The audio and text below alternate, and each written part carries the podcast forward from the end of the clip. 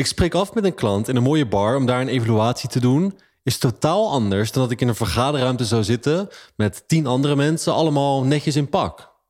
Maar toch blijven de meesten in beide situaties op dezelfde manier communiceren. Hey, dit is Arnoud en dit is A Drop of Ink.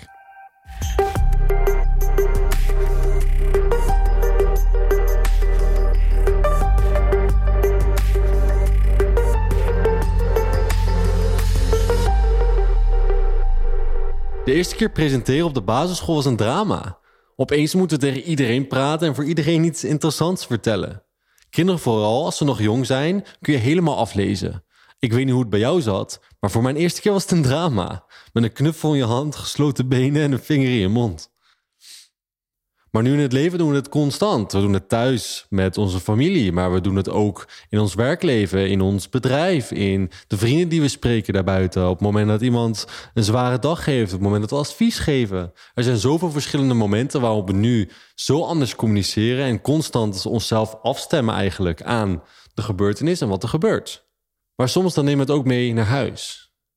Denk bijvoorbeeld aan een advocaat die leert om alles te redeneren met zijn werk, om overal een argument voor te hebben. Op het moment dat jij thuiskomt van je werk en je hebt een argument met je man of vrouw, dan kan het soms best wel botsen als voor jou normaal gesproken alles onderbouwd moet zijn en alles een reden moet hebben. We allemaal gebruiken dit concept op het moment dat ik het vertel. Denk bijvoorbeeld aan een kleine baby die pas is geboren, nog erg jong is, die lekker over de vloer aan het kruipen is. En per ongeluk stoot de baby een hartstikke dure vaas om van 3000 euro die je van je overleden oma hebt gekregen en die een hele emotionele waarde heeft. En op het moment dat die baby die vaas omstoot, ren je heel snel naar de baby en vraag je: Oh, gaat alles goed? Dan zeg je: Oh, kan gebeuren, maakt niet uit. Ik ben blij dat je geen bloed hebt, geen scherven hebt. Dat is hoe we met de baby omgaan. Maar als dit een 16-jarige was geweest, die gewoon door slordigheid en ook per ongeluk die fase omgooien, zou op een hele andere manier reageren. En dat doen we omdat we weten dat de baby is nog jong, die snapt niet zo goed wat die baby aan het doen is, hoe de wereld werkt. En dat die baby nog van alles moet leren hoe het reageert met de armen, met de benen, met reactietijd. En daardoor zijn we veel minder boos omdat we het snappen. We kunnen ons voorstellen dat het voor een baby gewoon niet zo makkelijk is om dat zo snel te leren. En dat dit de momenten zijn dat je leert. En het verschil van deze twee, hoe wij reageren op een baby, maar hoe we ook zouden reageren op iemand die 16 jaar is in die fase omgooien. Ditzelfde doen we eigenlijk ook op social media. Daar communiceren we natuurlijk ook constant met mensen, met vrienden, met accounts waar we geïnteresseerd in zijn, op allerlei verschillende platformen. En daarin laten we onze emotie lopen, kijken wat we leuk vinden, interessant vinden. En communiceren we op die manier heel erg anders en variërend per platform. Denk bijvoorbeeld aan TikTok, daar zitten we heel anders op. En meestal meer voor entertainment dan dat we bijvoorbeeld bezig zijn met LinkedIn. Deze twee is een heel geanderde manier van communiceren. En we verwachten op beide platformen ook een hele andere soort cultuur. En voordat we hier verder induiken, starten we eigenlijk altijd met hetzelfde idee. Wat is het doel van je communicatie? Ik weet nog wel dat als ik als kind iets uit de snoeppot wou, mijn moeder zei: Je mag niet. Of je moet wachten. Of zit even stil. Of doe eerst dit en dan pas krijg je een snoepje. Dan wou ik daar niet in meegaan. Dus wat je gaat doen, is je gaat strategieën en manieren verzinnen om te zorgen dat je wel dat snoep krijgt. Dus je gaat heel lief vragen, weet je wel, met grote ogen. En ga je zo naar je moeder kijken en staren van mama, please. Of je bent een van die kinderen die bam, bam, bam... gewoon de hele tijd maar ging doorzeiken en doorzeiken en doorzeiken... totdat je het kreeg. Of je deed heel snel je werk, ging het afkladderen... deed helemaal niet goede wat je moest doen... en dan snel stopt het in je gezicht van je moeder... en zeg ja, oké, ga maar. En zo vinden we eigenlijk allemaal verschillende strategieën... en manieren van communiceren om voor elkaar te krijgen wat we willen. En daar start het allemaal bij. Dat als we weten van oké, dit is het doel, dit is wat we willen bereiken dan kunnen we daar een strategie voor op toepassen. Zoals we weten wat het doel is, weten we hoe we de communicatie moeten veranderen. Wat betekent dat het verandert de manier hoe we iets presenteren. Nou, en dit concept, hoe we het presenteren, is enorm belangrijk in content. En vaak heb ik het hier met jou heel erg over de inhoud. Van hoe maken we een boodschap? Hoe vertellen we iets wat een ander echt graag wil? En nu kijken we van welke rol een platform daarin speelt. Want ook ja, platformen spelen hier een hele grote rol in... in hoe wij mensen iets ontvangen. En we kunnen ons wel alleen richten op de inhoud. Maar als we niet kijken van oké, hoe ontvangt iemand het? Hoe wil iemand het krijgen? Op welk bordje moeten we het serveren? Kunnen we alle moeite steken in de inhoud. Maar als we ook niet naar dat stukje kijken, dan wordt het heel lastig om onze doelen te bereiken. Want als we het niet serveren op een manier dat iemand het wil ontvangen, slaan we het heel snel uit de wind. Vooral in deze tijd, in deze cultuur waarin alles snel en goed en duidelijk moet dus normaal gesproken kijken bijvoorbeeld naar de emoties die iemand heeft. Wil iemand geëntertained worden? Wil iemand een serieuze boodschap? Wil iemand een ervaring lezen? Dan kijken we heel erg naar de doelgroep. Maar vandaag wil ik met jullie kijken naar de platformen. Dus los van welke soort post je maakt of wat het doel is van je post. Wil kijken van oké, welke punten zijn belangrijk voor een platform waar wij op moeten letten op het moment dat wij op meerdere platformen willen posten of op één platform. Dit is eigenlijk een, aan, een stappenlijst die je gewoon kan volgen. En die je kan verwerken in de content die je maakt. En vooral op het moment dat jij één soort vorm content wil posten op verschillende platformen, is het heel mooi om naar dit lijstje te kijken en te zien van hoe kun je jouw content zo vormen dat het altijd past. En ik zal door al deze punten heen gaan en stap voor stap aan je uitleggen waarvoor dit punt er is, wat de reden ervan is en waarom het belangrijk is om er aandacht aan te besteden. En soms hoef je niet alle punten te gebruiken. Soms zijn er maar een aantal punten die je kunt veranderen. Soms moet je ze allemaal gebruiken. Het is heel erg afhankelijk van de doelgroep. Dus dat is per niche natuurlijk heel erg verschillend. Dit is geen vastgegeven dat als je altijd dit aanpast, als je op meerdere platformen post, dat het dan goed is. Maar het geeft je wel een hele duidelijke checklist van oké, post je op één platform. Geeft je een heel mooi overzicht van oké, hoe zorg ik dat mijn content beter aansluit. Dus in beide gevallen is het super handig voor het moment dat jij post op één platform, verschillende platformen. En zijn het mooie vragen om bij stil te staan met je eigen content. En dan komen we bij punt 1. Punt 1 is hoe mensen content consumeren. Op elk platform consumeren wij content op een andere manier. Als we kijken naar TikTok, zien we daar dat videocontent de manier is hoe wij content het liefst daar consumeren. Dat is waar het hele platform op is gebouwd. Zijn korte video's. En dat is ook waarop het algoritme is gebouwd, enzovoort, enzovoort. Dus als je daar een foto gaat plaatsen met alleen muziek eronder, is de kans vrij klein dat mensen daar vaker naartoe terug willen komen of iets mee willen. Ik zeg niet dat het onmogelijk is, maar ik zeg dat is niet de reden waarom mensen naar het platform komen. Dat is niet de reden waarom iemand zijn telefoon uit zijn zak haalt en op TikTok klikt om content te gaan consumeren. Nee, die wil korte video's en het algoritme van TikTok weet inmiddels al wat die persoon interessant vindt. Dus daar hoeft die persoon niet eens meer zorgen over te maken. Die persoon pakt gewoon zijn telefoon uit zijn zak. En wie weet, op het moment dat ik naar TikTok ga, krijg ik dingen te zien waar ik geïnteresseerd in ben. En op TikTok is dit totaal anders dan bijvoorbeeld op Instagram. Op Instagram zien we dat het een verzameling is van vormen van content. Dus die hebben we video, die hebben we foto, die hebben we stories. En ook hoe je ziet hoe het platform is gebouwd, is het veel meer gebouwd op richting van engagement, op interactie. Dus het is een hele andere manier van content consumeren daar dan op TikTok. Dus als jij op Instagram aan de slag gaat met content, is het veel beter om in content te variëren. Omdat we eigenlijk alles daar een beetje bekijken en het een veel breder beeld geeft van een bedrijf, een persoon, wat iemand aan het doen is, dan dat TikTok dat heeft. Dus de manier hoe mensen de content consumeren, de manier hoe mensen het platform gebruiken, is eigenlijk een basis waar we aan moeten vasthouden. Dus als je een korte video hebt gemaakt, dan kan je die bijvoorbeeld posten op TikTok en op Reels. Maar heb je bijvoorbeeld een hele lange video gemaakt, dan is het niet verstandig om die hele lange video op TikTok te zetten of op Reels te zetten. En vaak kan het ook niet, en zit er nu een limiet op. Omdat de reden is dat mensen zulke content daar niet consumeren. op YouTube vinden we langere video's en daar zijn we bereid om langere video's te kijken. En dat is meestal boven de 10 minuten, rond de 10 minuten. En dat is een hele andere manier dan op social media of op TikTok, waarin een filmpje gemiddeld vijf seconden is. En dan kom bij punt 2, en dit is de vorm van content. En we hebben het er net al een beetje over gehad. Het is eigenlijk short form en long form. En het woord zegt het eigenlijk al. Dus je hebt lange vormen van content en korte vormen van content. En er zijn verschillende social media platformen die verschillende vormen aanbieden. Denk aan YouTube, daarin zien we allebei. We zien de lange video's longform, waarin je YouTube-video's kan uploaden van wat het ook mag zijn. Maar zien we ook dat YouTube nu een integratie heeft gedaan van YouTube Shorts, waarin je korte video's kan uploaden. Dus er wordt het platform niet meer alleen maar longform, maar ook shortform. En je ziet dat die combinatie weer een hele mooie mogelijkheid biedt. Dat mensen eigenlijk uit een lange vorm heel veel stukjes gaan opknippen. Gebruik het voor shortform. Om zo uit een shortform mensen naar een langvorm te krijgen. Als je het nog begrijpt. dus dat is de twee verschillen van content. Nou, meestal op social media platformen zoals Pinterest, eh, TikTok, Reels, Facebook. Dat is best kort. Maar kijk je bijvoorbeeld naar Facebook Lives. Dat is weer totaal een ander aspect. Op het moment dat je live gaat, dan zijn daar de volgers en de mensen die je willen bekijken, zijn bereid om langer te kijken. Dat is een langere vorm van content. Dus weten wat voor soort content waar mensen het liefst willen consumeren, helpt heel erg om jouw boodschap naar buiten te brengen op de manier die jij het liefst ziet liggen. Dus maak jij liever langere video's die veel dieper gaan, dan is YouTube een hele mooie bron voor jou. Maar ben je liever van de korte filmpjes, dan kan je heel goed social media gebruiken.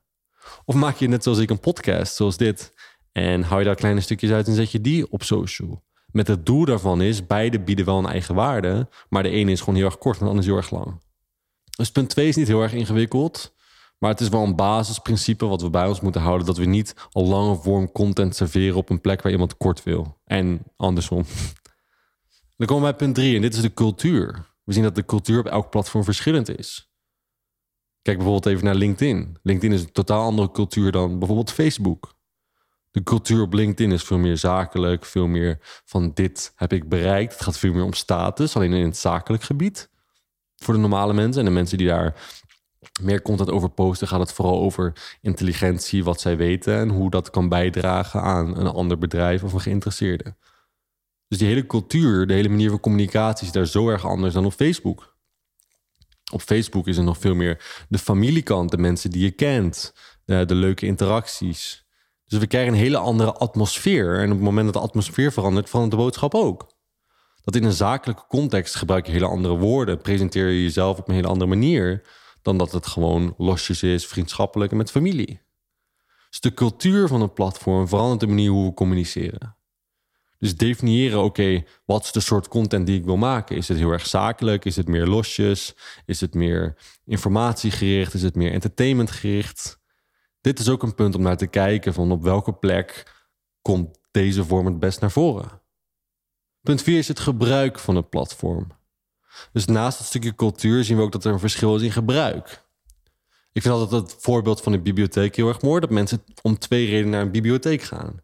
Eén is om kennis op te doen, om meer te leren. En de ander is om afleiding te zoeken, een goed verhaal te lezen, entertainment. En dat is eigenlijk hoe social media ook is ingericht. Je moet jezelf even bedenken, de reden waarom iemand een social media app opent is waarom. Vroeger was het meer om te connecten met vrienden. Maar dat is nu steeds meer aan het verzakken. En we zien dat het steeds meer draait om inspiratie en afleiding. En inspiratie en afleiding kunnen natuurlijk deze twee allebei bevatten.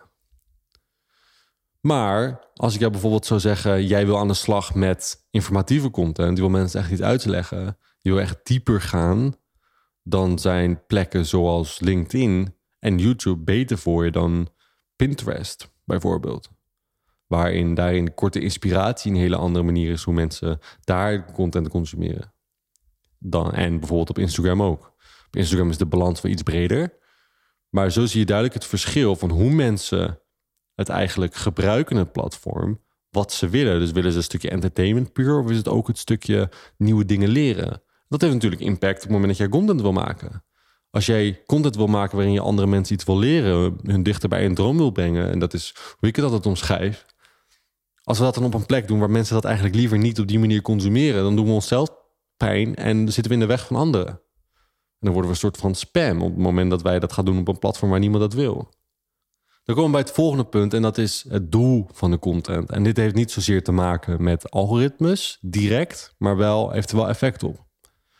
In het begin van deze podcast gaf ik aan wat het verschil is als jij in een vergaderruimte zit met tien mensen en daarin overleg doet dan dat je één op één in een café zit en daar een evaluatie doet.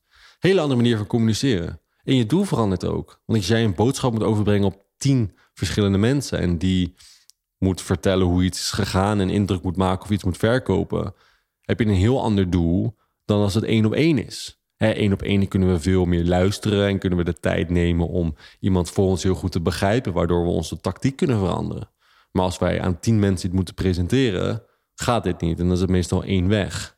En dan hebben we minder tijd om informatie op te halen. Dus verandert het doel van het is niet meer alleen één persoon overtuigen. Het is meer een sfeer creëren, een gevoel creëren. Wat iemand doet zeggen van hé, hey, ik wil met jou zaken doen. Of wat meerdere mensen dat doen laten zeggen.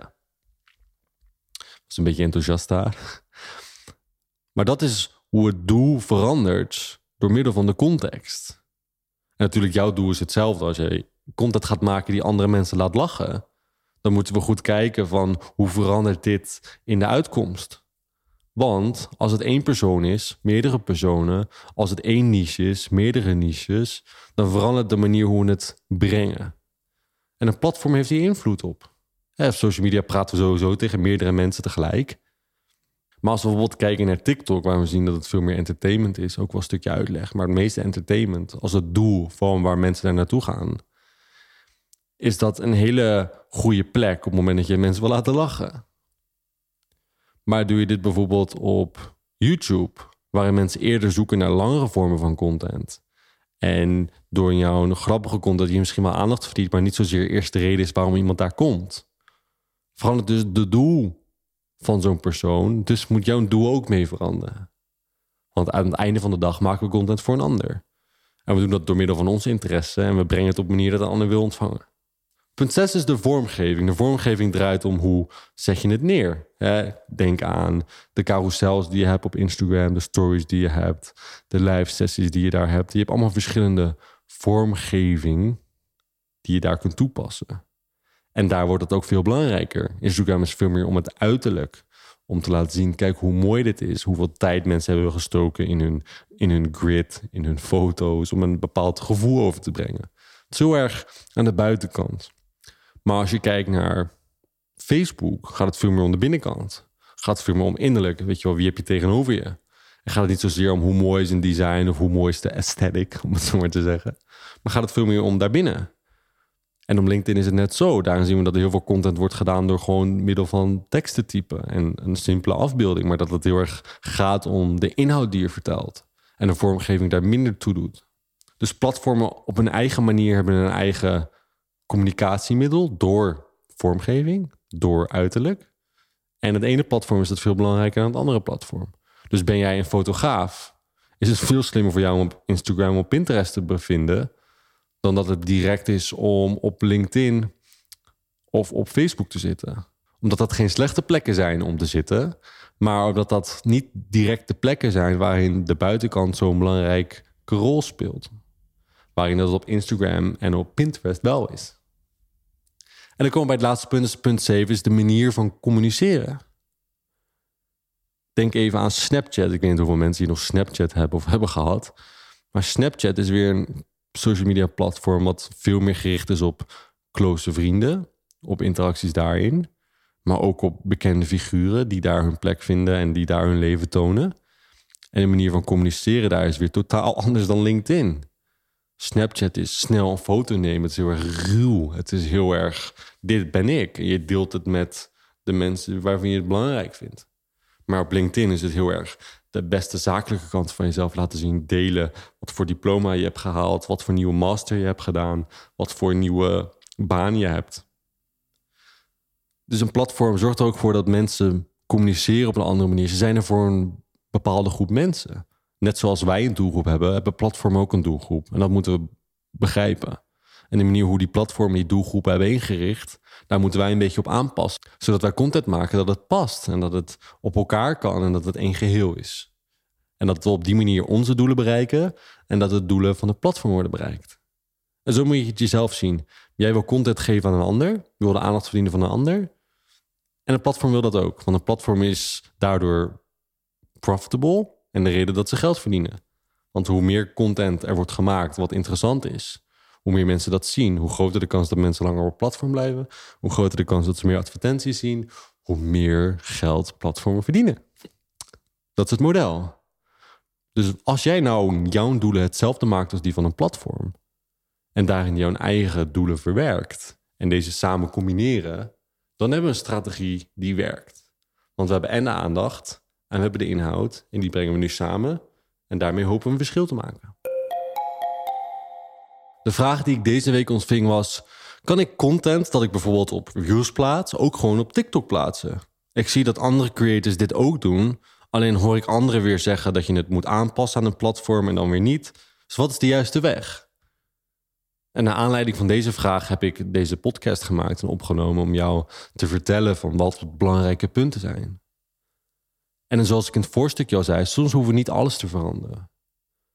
Soms dan plaatsen we content voor onze doelgroep en gaat het op twee platformen eigenlijk best goed. En is het heel erg gelijk. We zien bijvoorbeeld dat bij Instagram en TikTok dit aardig gelijk wordt getrokken. Al is het niet helemaal hetzelfde, maar het lijkt het meest op elkaar. En als je bijvoorbeeld een video plaatst op Instagram en je plaatst die ook op LinkedIn, moet je dan het gewoon daar plaatsen? Moeten we de context veranderen? En dit is zelf uittesten. De zeven punten die ik je heb gegeven. Hè? Eén is hoe mensen content consumeren. Twee, de vorm van content. Drie, de cultuur van een platform. Vier, het gebruik van een platform. Vijf, het doel van de content. Zes, de vormgeving. En zeven, de manier van communiceren. Is allemaal anders op elk platform. Maar soms kan je doelgroep, op welk platform ze ook zitten, op dezelfde manier iets willen ontvangen. dat is niet altijd een feit dat het anders is. Dus wat moet je dan altijd veranderen? En dit komt puur neer op testen. Puur. Het is puur door deze zeven punten gaan. Oké, moet ik de context van de tekst veranderen bij de video? Moet ik een andere vormgeving gebruiken? Moet ik de volgorde veranderen?